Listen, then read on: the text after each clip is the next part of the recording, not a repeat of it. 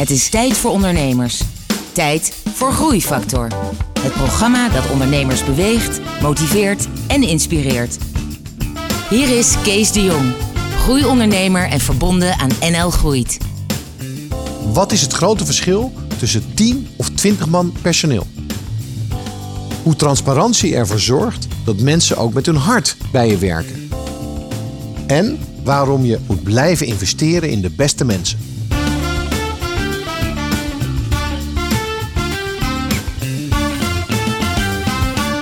Welkom bij Groeifactor.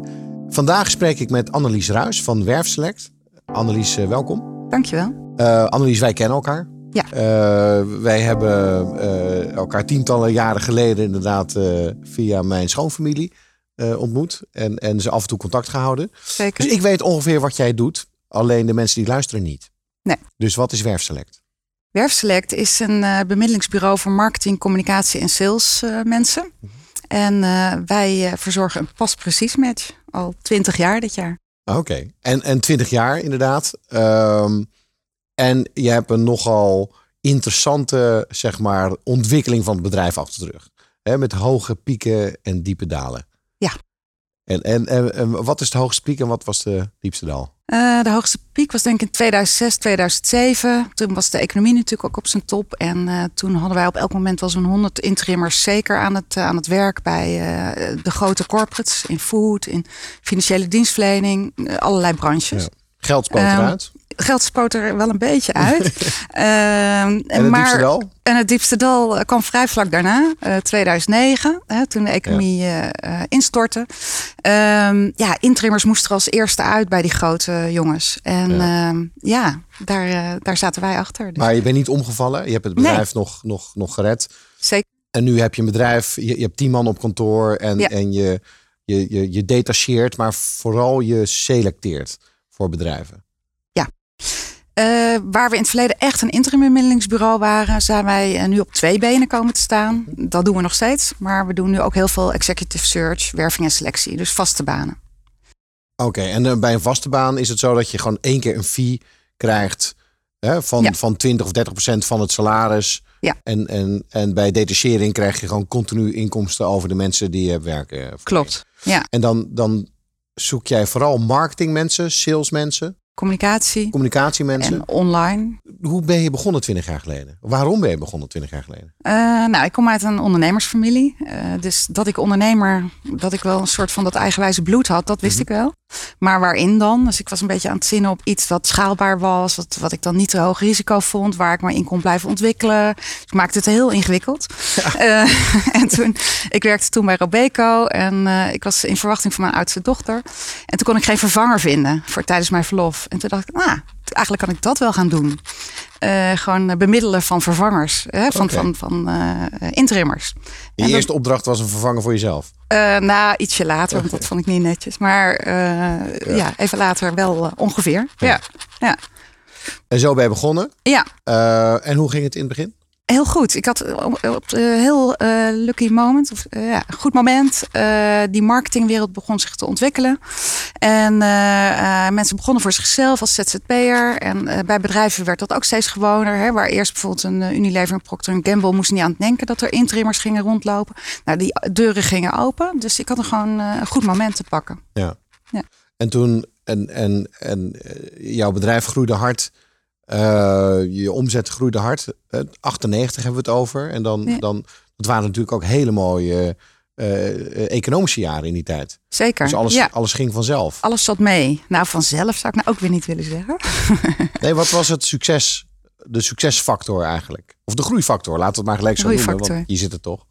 Ja, ehm, ja, ik denk uiteindelijk dat uh, wij gaan echt voor die pas precies matchen. En dat houdt in dat, je, dat ik. Ja, je kan dat, niet dat, zomaar. dat is nu. Ah. Maar ik wil nee, maar, nee, dat was toen. Dat was toen ook. Dat was Oké. toen. Dat is juist mooi dat dat blijft in 20 jaar.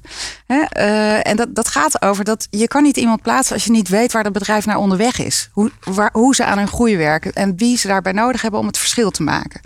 Hè? En, en dat hebben we eigenlijk vanaf het begin gedaan. En eerst met intrimmers en nu met beide. Maar, maar jij selecteerde dus mensen mensen Ja. die bij het bedrijf pasten. Niet waar het bedrijf was, maar waar het bedrijf naartoe ging. Ja, Maar, maar- dat is wel heel grappig. Want dat is eigenlijk ook een van mijn adviezen die ik altijd geef. Ja. Eh, als ondernemers hun bedrijf willen laten groeien. Dan moet je niet iemand vinden die nu die functie kan, nee. eh, kan vervullen. Nee. Je moet iemand vinden die dat kan vervullen. Waar, waar het bedrijf over een jaar of over twee jaar is. Exact. Dus iemand die, die, die, die moet die groei aankunnen. Sterker nog, iemand moet een deel van die groei zeg maar, faciliteren. Ja, exact. Nou, dat hebben we eigenlijk vanaf het begin gedaan. Eh, In, in plaats van dat profiel aan te nemen wat ze uit de kast pakken. Van, oh, daar hebben we de vorige ook op geworven. Ja. Ja, niet interessant. We gaan het hebben over waar jullie nu staan en waar je naartoe wil. En wat je daarbij nodig hebt. Oké. Ja. En aan de kant van de kandidaat natuurlijk ook dieper graven. Van, eh, waar ligt nou echt jouw kracht? En waar, waar ga je van rennen? Waar ligt je drive? En, eh, en dat moet ook matchen met zo'n cultuur bijvoorbeeld. Ja. En dat kon je op een gegeven moment niet meer alleen. Dus je moest mensen erbij hebben. Wat voor soort mensen heb jij zelf bij het bedrijf gezocht? Ja, ik denk dat ik in het begin wel erg last had van het Calimero-effect. Van eh, wie wilde nou bij zo'n klein bedrijfje werken. Maar gelukkig had ik toch een paar hele goede mensen die aanklopten. En eh, die hebben ook echt eh, eh, het bedrijf laten groeien. Kan je iets vertellen over de fase vanaf 2009? Toen eigenlijk je hele mooie eh, Ja. bedrijf met, met 100 man in elkaar stortte. Ja, nou, zoals jij al zei, er zijn er ook een hoop omgevallen. Eh, En ik denk dat dat degenen waren die te lang aan hun status bleven hangen. Hè? De, de prachtige panden die eh, veel eh, andere bureaus hebben. En eh, nou ja, de, de, de- toch de, een beetje de schijn ophouden. En ik heb eigenlijk gewoon vrij rigoureus in de kosten eh, ge- gesneden. En ja, ik heb ook gewoon door die bittere pil of zure appel heen gebeten dat ik mensen moest ontslaan.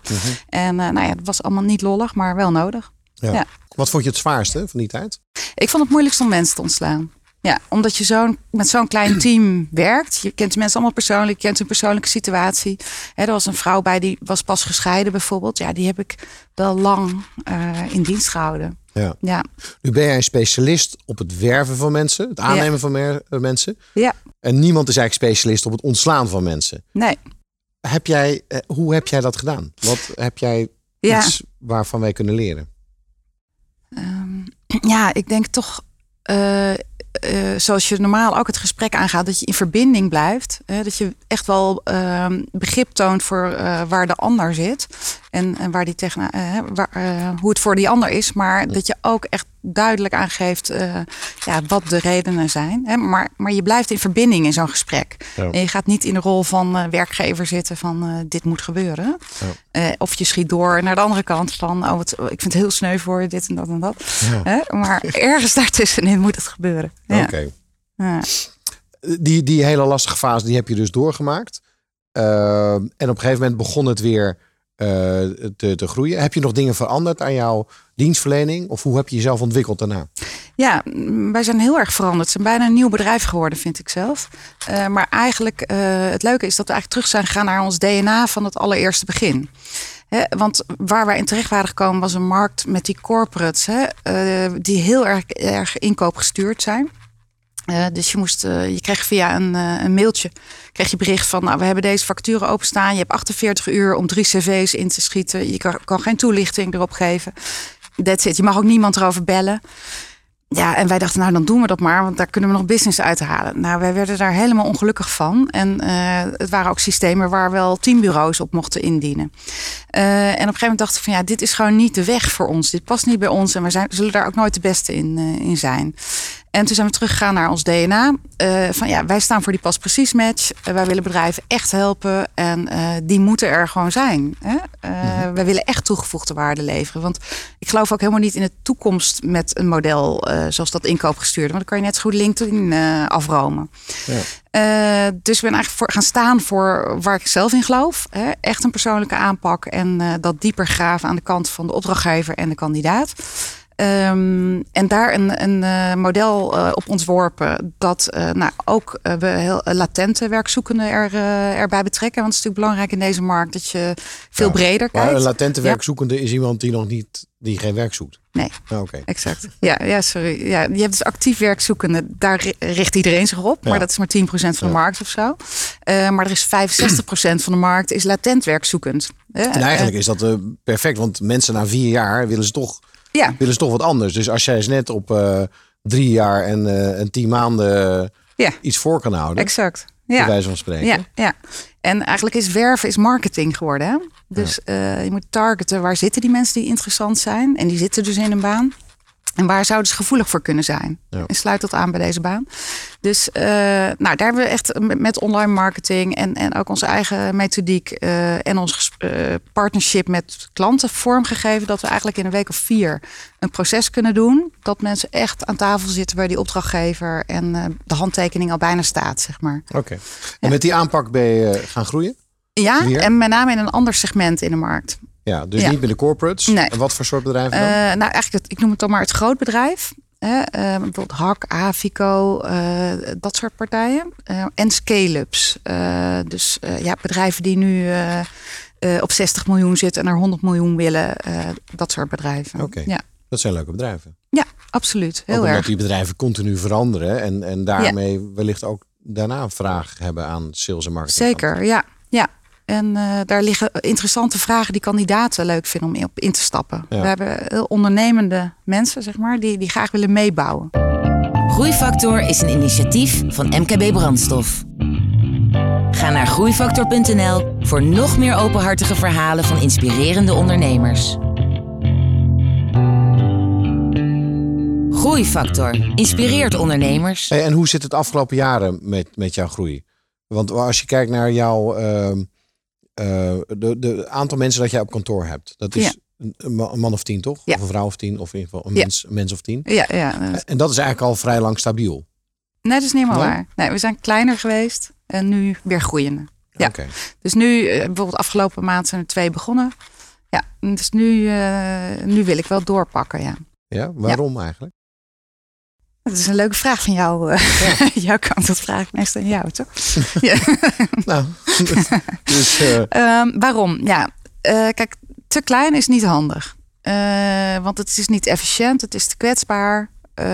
en in de hele dynamiek. Ik heb nu een team wat echt in de flow raakt, omdat het een goede grootte heeft, vind ja. ik. je kan ook wat, wat makkelijker meebewegen met de vraag. Dus een bepaalde grootte tussen 10 en 20 vind ik een mooie grootte. Ja. ja. Dus iets groter mag uh, zeker nog wel. Ja. Maar, mijn hoe, vraag, hoe weet je dat, dat, dat het een mooie grootte is tussen 10 en 20? Nou, ik, ik heb in het verleden 15 mensen op kantoor gehad. Mm -hmm. Dat vond ik wel, uh, dat is nog net een, een echt een, een team. En, en, en, hoeveel leiders of managers waren er toen? wij verdeelden dat met z'n tweeën eigenlijk. Okay. Ja, we hadden geen subpages of zo. Nee. nee. Oké, okay. ja. dat klopt. Um, dat je met 15 mensen op kantoor heel goed werkte met twee leiders, zeg ja? maar. Ja? Omdat het gemiddelde omspanningsvermogen is van mensen die direct makkelijk kan aansturen, ligt rond de 8 à 10. Ja. Um, dus twee keer zeven is, uh, dat had ook twee keer 20 kunnen zijn. Of misschien was het wel twee keer, of twee keer 10, dus 20. Ja. Dus 20. Het moment dat jij, um, zeg maar, boven de 10 komt, dan wordt het de complexiteit om, om de mensen aan te sturen, die wordt daarmee uh, enorm veel, uh, veel lastiger. Ja. Hele goede, zeg maar, managers of leiders, die kunnen ook nog wel uh, tot 11, 12, 13, 14, 15. Ja. Maar daarna moet je daadwerkelijk andere systemen en structuren gaan creëren om de boel, om de boel te managen. Ja. 10 kan je doen zoals je het nu doet. Ja. En bij 20 moet je andere systemen, andere werktaken, andere invulling, uh, andere soort vergaderingen, ander soort inwerkproces. Uh, het, je moet kernwaarden heel manifest gaan maken. Je moet, met andere woorden, ja. um, dat, dat kan allebei. Alleen ergens zit daar wel een fundamentele keuze. Wat ja. voor soort bedrijf je Ja. wil gaan leiden en ook wat jij wil gaan doen. Ja. En als je, hoe jij net beschreef, um, dat, dat jij dat bedrijf zo lekker in de flow zit. Dan dat wil dus niet zeggen dat dat zo blijft als je er nog vijf bij doet. Nee, klopt. Ja. Dus waarom wil je dan naar 20? Waarom wil je dan naar 20? Ja. Uh, nou, ik denk dat ik het wel een beetje heb opgeleid om nu door te groeien. Ik heb een tweede man erbij gevonden. Uh, hij is veel meer de manager dan ik. En zoals bij veel ondernemers is managen niet mijn uh, sterkste kant. Um, dus uh, we, we, zijn al taken aan het verdelen. Hij is veel beter in het structureren van dingen, procesmatig aanpakken. Um, eh, ja, zoals jij zegt over die kernwaarden en dergelijke. Ja, daar, daar zijn we wel mee bezig. En dat is, dat is wel het voordeel als, je, als het wel wat groter is geweest. Toen hadden we ook meer de noodzaak om aan de winkel te werken, zeg Ja. maar. Hè, en dat pak ik er eigenlijk nu allemaal weer bij.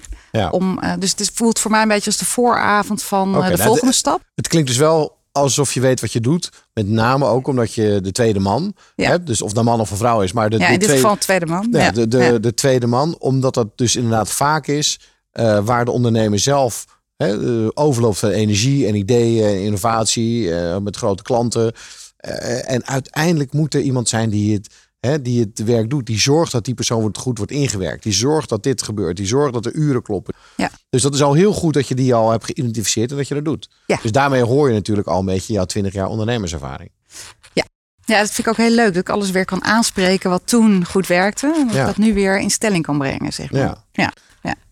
Ehm, maar het tweede ding wat jij noemde, inderdaad, op het moment dat je tien man hebt, dan zijn kernwaarden, eh, waar het om gaat, hoe dingen gebeuren, zijn eigenlijk evident. Iedereen snapt dat. Ja. En als je groeit, dan moet je dat Ja. dan heel eh, duidelijk gaan maken, manifest maken, zodat iedere nieuwe persoon ten eerste daarop wordt geselecteerd en dat dan ook weet wat de bedoeling is en wat de eigenlijk de randvoorwaarden zijn. Ja. Wat zijn die bij jou? Eh, onze kernwaarden zitten op eh, persoonlijk werkend. Eh, we zijn heel servicegericht. Eh, we zijn eerlijk en open. Hè? Dus bijvoorbeeld onze fee is altijd transparant. Ja. En bijvoorbeeld bij interim is dat niet altijd evident. Ja. Ja. Ik denk dat dat de allerbelangrijkste zijn. En, en je bent eerlijk en open. Dat geldt dus ook intern binnen het bedrijf. Je bent dus Ja. eerlijk en open over. Nee, bij ons is alles open. En dat is ook wel de reden dat ze bij ons komen, zijn komen werken. En dat ze, nou ja, ja, nou ja, niet dagelijks, maar dat ik heel vaak hoor dat ze heel blij zijn dat ze bij ons werken. Ja. Ja, dat is echt zo. En dat is wel iets wat ik heb moeten leren, inderdaad. Want ik dacht, ja, eh, ik ben toch eh, de baas, dus ik kan niet overal eh, open over zijn. Want het mijn zorgen zijn voor mezelf, zullen we zeggen. En Nou, nu, ja, oh ja, heb je geleerd? Oké, wat goed. Eh, wa- wa- wa- wanneer kreeg je dat inzicht? Dat je dat dus ook, nou, ook moest delen? Ja, ik denk na die 2009 eh, ontslagronde. Mhm. Hè, dat ik dat toch te veel in mijn eentje had zitten worstelen. En waardoor het eigenlijk alleen maar harder aankwam bij de rest. Ja. ja. En toen dacht ik daarna van ja, ik hoef het eigenlijk helemaal niet in mijn eentje te dragen. Nee, eh, er zijn hier meer mensen die, erbij, hè, die erbij zijn. Ik heb toevallig iets andere rol, maar we doen het met z'n allen. Nou, eh, eh, absoluut. Want inderdaad, die transparantie. Ja. Want uiteindelijk is je taak als leider van je organisatie dat mensen niet alleen met hun hoofd, maar ook met hun hart geïnvolveerd zijn met het bedrijf, met de doelen, met, Ja. met, met wat er wordt gedaan voor de klanten en waar het naartoe moet. Ja. En op het moment dat je dan een deel zeg maar afschermt, Ja.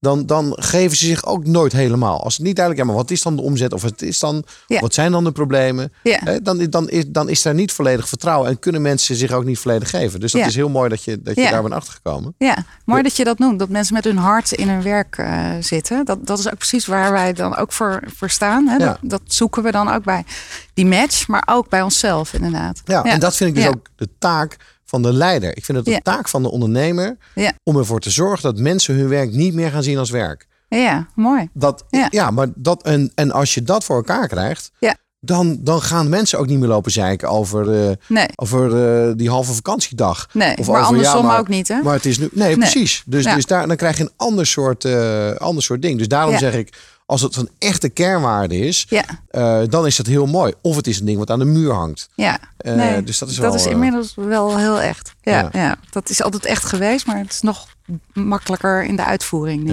Ja. Ja, Oké, waar, waar je nu staat. eh, je hebt het gevoel dat je met deze nieuwe aanpak, met deze nieuwe klantengroep, dat je echt iets te pakken hebt. En daarmee, daarmee wil je dan doorgroeien naar, naar, naar, naar, naar 20 man? Of, naar, of wat, wat wil je? Hoe, hoe zie je de toekomst? Ehm, kijk, ik wil in ieder geval deze stap maken. Eh, maar wellicht zit er wel meer in. Wat ik in ieder geval de komende jaren wil, is, eh, is echt even eh, een slag nog verder trekken. Dat, dat vind ik echt een uitdaging en, en dat wil ik graag doen met, met die andere persoon. Ehm, en met het hele team. En, eh, maar ik, er zit, ik heb wel het gevoel dat we echt iets in de handen hebben. wat net zo goed voor andere takken van sport eh, van toepassing zou kunnen zijn. Hè, voor financiële functies of wat dan ook. Eh, en ook wel misschien andere bedrijfsgroepen, andere doelgroepen. Dus we zouden er veel meer mee kunnen. En dat vind ik ook wel, dat zou dan ook wel een mooie uitdaging zijn. Ja. Ja. Ja. Maar, maar dan nog, ja, ik ga je toch uh, challengen. Ja. Want waarom wil je dat? Ik wil mezelf challengen om inderdaad uh, verder te gaan dan ik natuurlijkerwijs zou doen. Uh, maar ik zal er nooit zo in zitten als uh, er is een heilig doel wat ik moet halen, of ik nou linksom of rechtsom ga. Zo, zo zal ik nooit gaan ondernemen. Nee, klopt. Alleen om, om bepaalde dingen in gang te brengen, Ja. is het streven naar het wereldkampioenschap ja. een hele goede motivator. Ja. Want daarvoor moet er getraind worden. Daarvoor doe je oefenwedstrijden. Daarvoor uh, moet iedereen uh, zich honderd keer opdrukken, soms Ja. vroeg bij wijze van spreken, om dat doel te halen. Ja. Zonder een doel, ja, we gaan een aantal wedstrijden spelen en dan zien we waar we komen.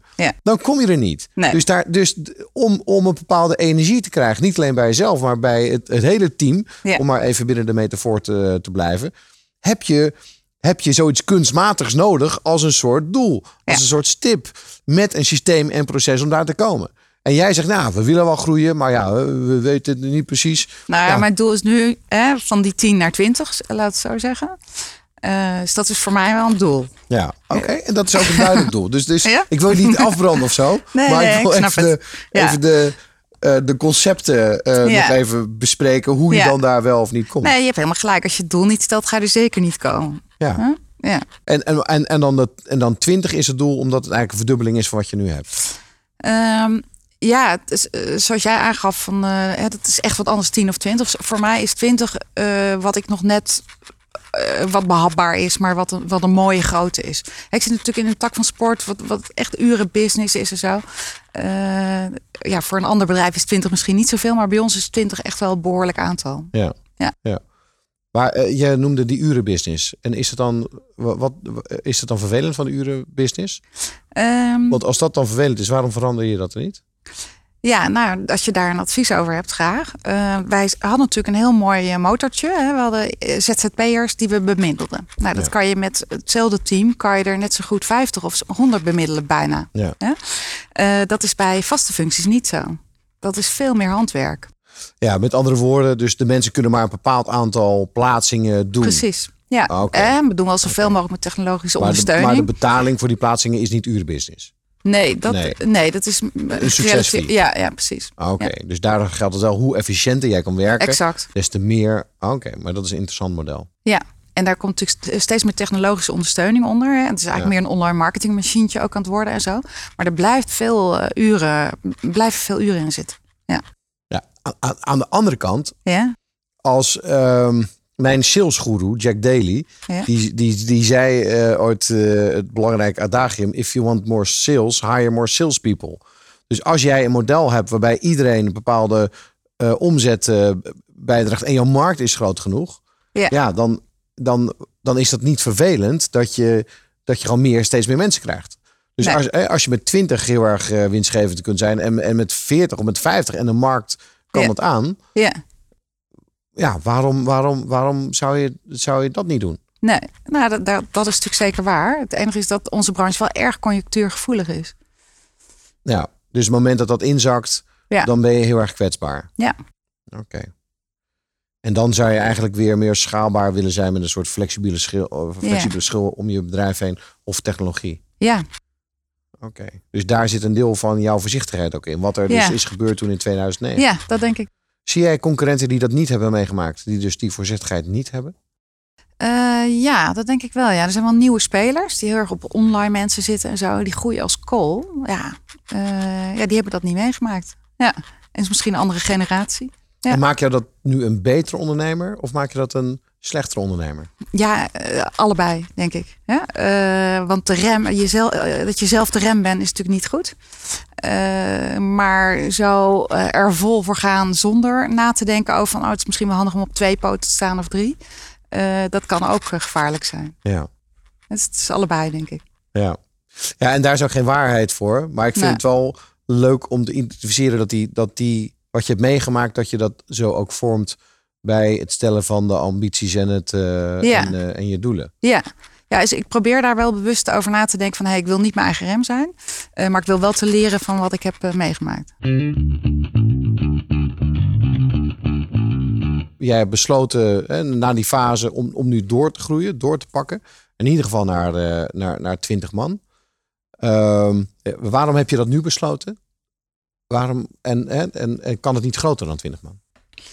Eh, waarom heb ik dat nu besloten? Eh, omdat het nu kan, voor mijn gevoel. Hè? Eh, om van een klein bedrijf weer wat groots te maken. Dat heeft in eerste instantie heel veel effort nodig. En, en, en wat is dan klein en wat is dan iets groters?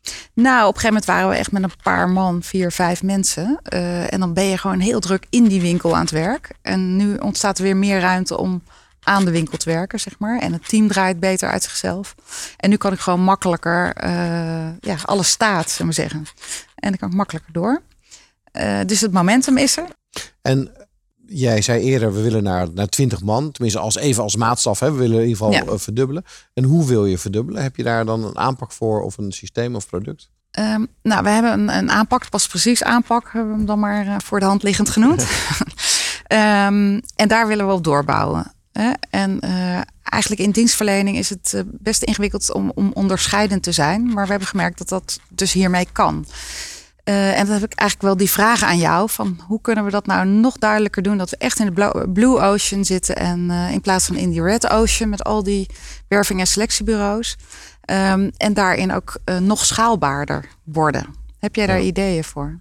je hebt een uniek productaspect nodig om uiteindelijk niet in de, in, in de prijserosie te vallen, in de prijsconcurrentie. Ja. Je moet direct, je moet heel duidelijk kunnen uitleggen waarom jouw nou product anders is en wat er, wat er uniek aan is. Want dat kunnen ze dus vervolgens niet kopen bij, uh, bij jouw concurrenten. Hoe ik dat deed, ja. ik zat met een product eh, internationaal in de markt, waarbij voor de klant uiteindelijk dat allemaal hetzelfde. Wij deden enquêtes voor grote onderzoeksbedrijven. Ja. Nou ja, lastig om uit te leggen, maar laten we zeggen, een enquête kost een tientje. en de volgende die, die 9 euro, uh, 9 dollar boot, die, die kreeg dan de opdracht. Ja. Dus wij hadden hetzelfde probleem. Alles leek op elkaar. Dus ik had een wetenschappelijke staf die, die continu rapporten maakte over hoe belangrijk het is dat je bepaalde dingen heel erg goed deed bij het creëren van die, uh, van die enquêtes. Ja. Dus wij maakten het, het issue van die kwaliteit zo belangrijk. Um, dat dat, dat, dat, dus, dat dat dus onze concurrerende factor, uh, factor werd. En wij hadden Ja. daar zo'n goed verhaal omheen. Ja, Dus in alle salesgesprekken maakten wij dat veel belangrijker dan alle andere punten. ja, Daarop presteren wij veel beter dan alle concurrenten. ja. En Had je daar dan een garantie op? Ja, want Ja. dat konden wij dus ook aantonen van waarom wij daar zoveel beter in waren. Ja. Ehm, met andere woorden, dat is een, een stukje natuurlijk van, van hoe je dingen verkoopt. Hè? Ja. Je maakt één aspect van wat je wil verkopen, maak je heel erg belangrijk. En jij bent de enige die dat, die dat kan leveren. Ja. Bijvoorbeeld, jij geeft een garantie dat die persoon er na een half jaar nog steeds zit en dat hij beter presteert dan dat de klant verwacht. Dat is, dat is de garantie die je geeft. Niemand kan die garantie geven. Nee. Dus als jij dat zegt, wij garanderen dat hij er na een half jaar zit. Ja. Dat is natuurlijk de grootste angst. Ja, ik huur iemand en dat komt toch niet uit. Ja. Nee, maar je hebt zo'n goed proces dat Ja. jij dat garandeert. En dan vervolgens, nou ja, dat, dat, dat, dat is dan vervolgens eh, het, het unieke. En iedereen luistert naar, ja, hoe kan je dat nou gaan garanderen? Ja. Ja, maar dat komt omdat wij een selectieproces hebben wat zo en zo in elkaar zit. We hebben psychologisch testen. Wij hebben daarna zeg maar uniek vingerspitsgevoel eh, wat jij niet hebt. En wij hebben ook nog een, een begeleiding nadat die persoon al bij jou werkt. Ja, de onboarding. Ja, En zeker. daardoor, en daardoor kunnen wij die garantie geven. Ja. En vervolgens gaat hij naar andere partijen toe en zeggen, ja, doen jullie dat ook? En dan zeggen nee, nee, dat doen we niet. Nou, Nee. dan, dus dan heb je iets zo belangrijk gemaakt dat dat zou kunnen. Ja. Het is maar een willekeurig voorbeeld. Maar ik denk als je met een groepje Ja. mensen hierover gaat brainstormen. Ja. eh, dan, is, dan zou dat de oplossing Ja, zijn. zeker. Mooi. Dankjewel. Ehm, Annelies, we zijn een beetje aan het einde van het, ehm, eh, van het gesprek. Ehm, heb jij van de afgelopen twintig jaar, hè, er zijn nu ondernemers die, die luisteren, probeer altijd, en dit zijn ondernemers met bedrijf, hè, dus geen starters, Ja. soort inzichten die jij kan delen waar mensen iets aan hebben voor wat betreft hun eigen bedrijf. Nou, voor mij is dat dat eh, als je even denkt van hé, ik zit niet op het goede spoor of hè, het loopt niet lekker, eh, dat het altijd werkt om terug te gaan naar de basis. Hè, naar inderdaad je kernwaarden, het DNA van je bedrijf. Ja. Eh, daar zit altijd het antwoord van hoe je weer verder kan. en het DNA zijn ook eigenlijk die kernwaarden waar we het ook eerder over hebben gehad. Ja. Waarom ben je het bedrijf begonnen? Wat, welk probleem wil je oplossen en, en, en hoe wil je dat doen? Ja. Daar zitten ook. eh, En dan als je nog een tip kan geven over het werven en aannemen van mensen. Want dat is eigenlijk jouw vak. Ja, Hè? Iedereen worstelt ermee, zeker in deze economie. Ja. Heb je daar nog een tip over? Ja, het leuke van deze markt is dat je uh, helemaal niet meer het grootste bedrijf hoeft te hebben of zo om de beste persoon aan te nemen. Uh, wij merken dat bijvoorbeeld een start-up die doet in biologische voeding, trekt uh, tien keer meer per, kandidaten aan dan een corporate die in snoep doet, bij wijze van spreken. Ja. mensen zijn er heel erg met bewuste dingen bezig. Ze willen van betekenis zijn. ze willen dat het werk wat ze doen, dat dat ook iets bijdraagt aan deze wereld. Dus als jij een, een, een, missie hebt, iets waar ze hun hart in kunnen leggen. Ja. en, en dat moet je gewoon naar buiten brengen. Als ze daarmee kunnen verbinden, dan kan je hele goede kandidaten aantrekken. En, en heel veel bedrijven hebben dat wel, de maken dat dan niet expliciet genoeg. Exact. Ja, dus, uh, dus die employer branding, hè, zoals het heet. Ja. Uh, ja, daar moet je echt moeite in steken. Van je verhaal vertellen op, op allerlei manieren. Nou, ik vind dat echt een supergoeie, supergoeie tip. Um, ik heb genoten van het gesprek, Annelies. Ik ook, dankjewel. Ik wil je enorm bedanken. En ja, succes met, uh, met, met de groei naar, naar 20 of, of wat daarna ook uh, komt. Um, voor de luisteraars, dit was uh, een aflevering van Groeifactor. Graag tot een volgende uitzending. Groeifactor is een initiatief van MKB Brandstof. Ga naar groeifactor.nl voor nog meer inspirerende verhalen van mede-ondernemers. Groeifactor beweegt ondernemers.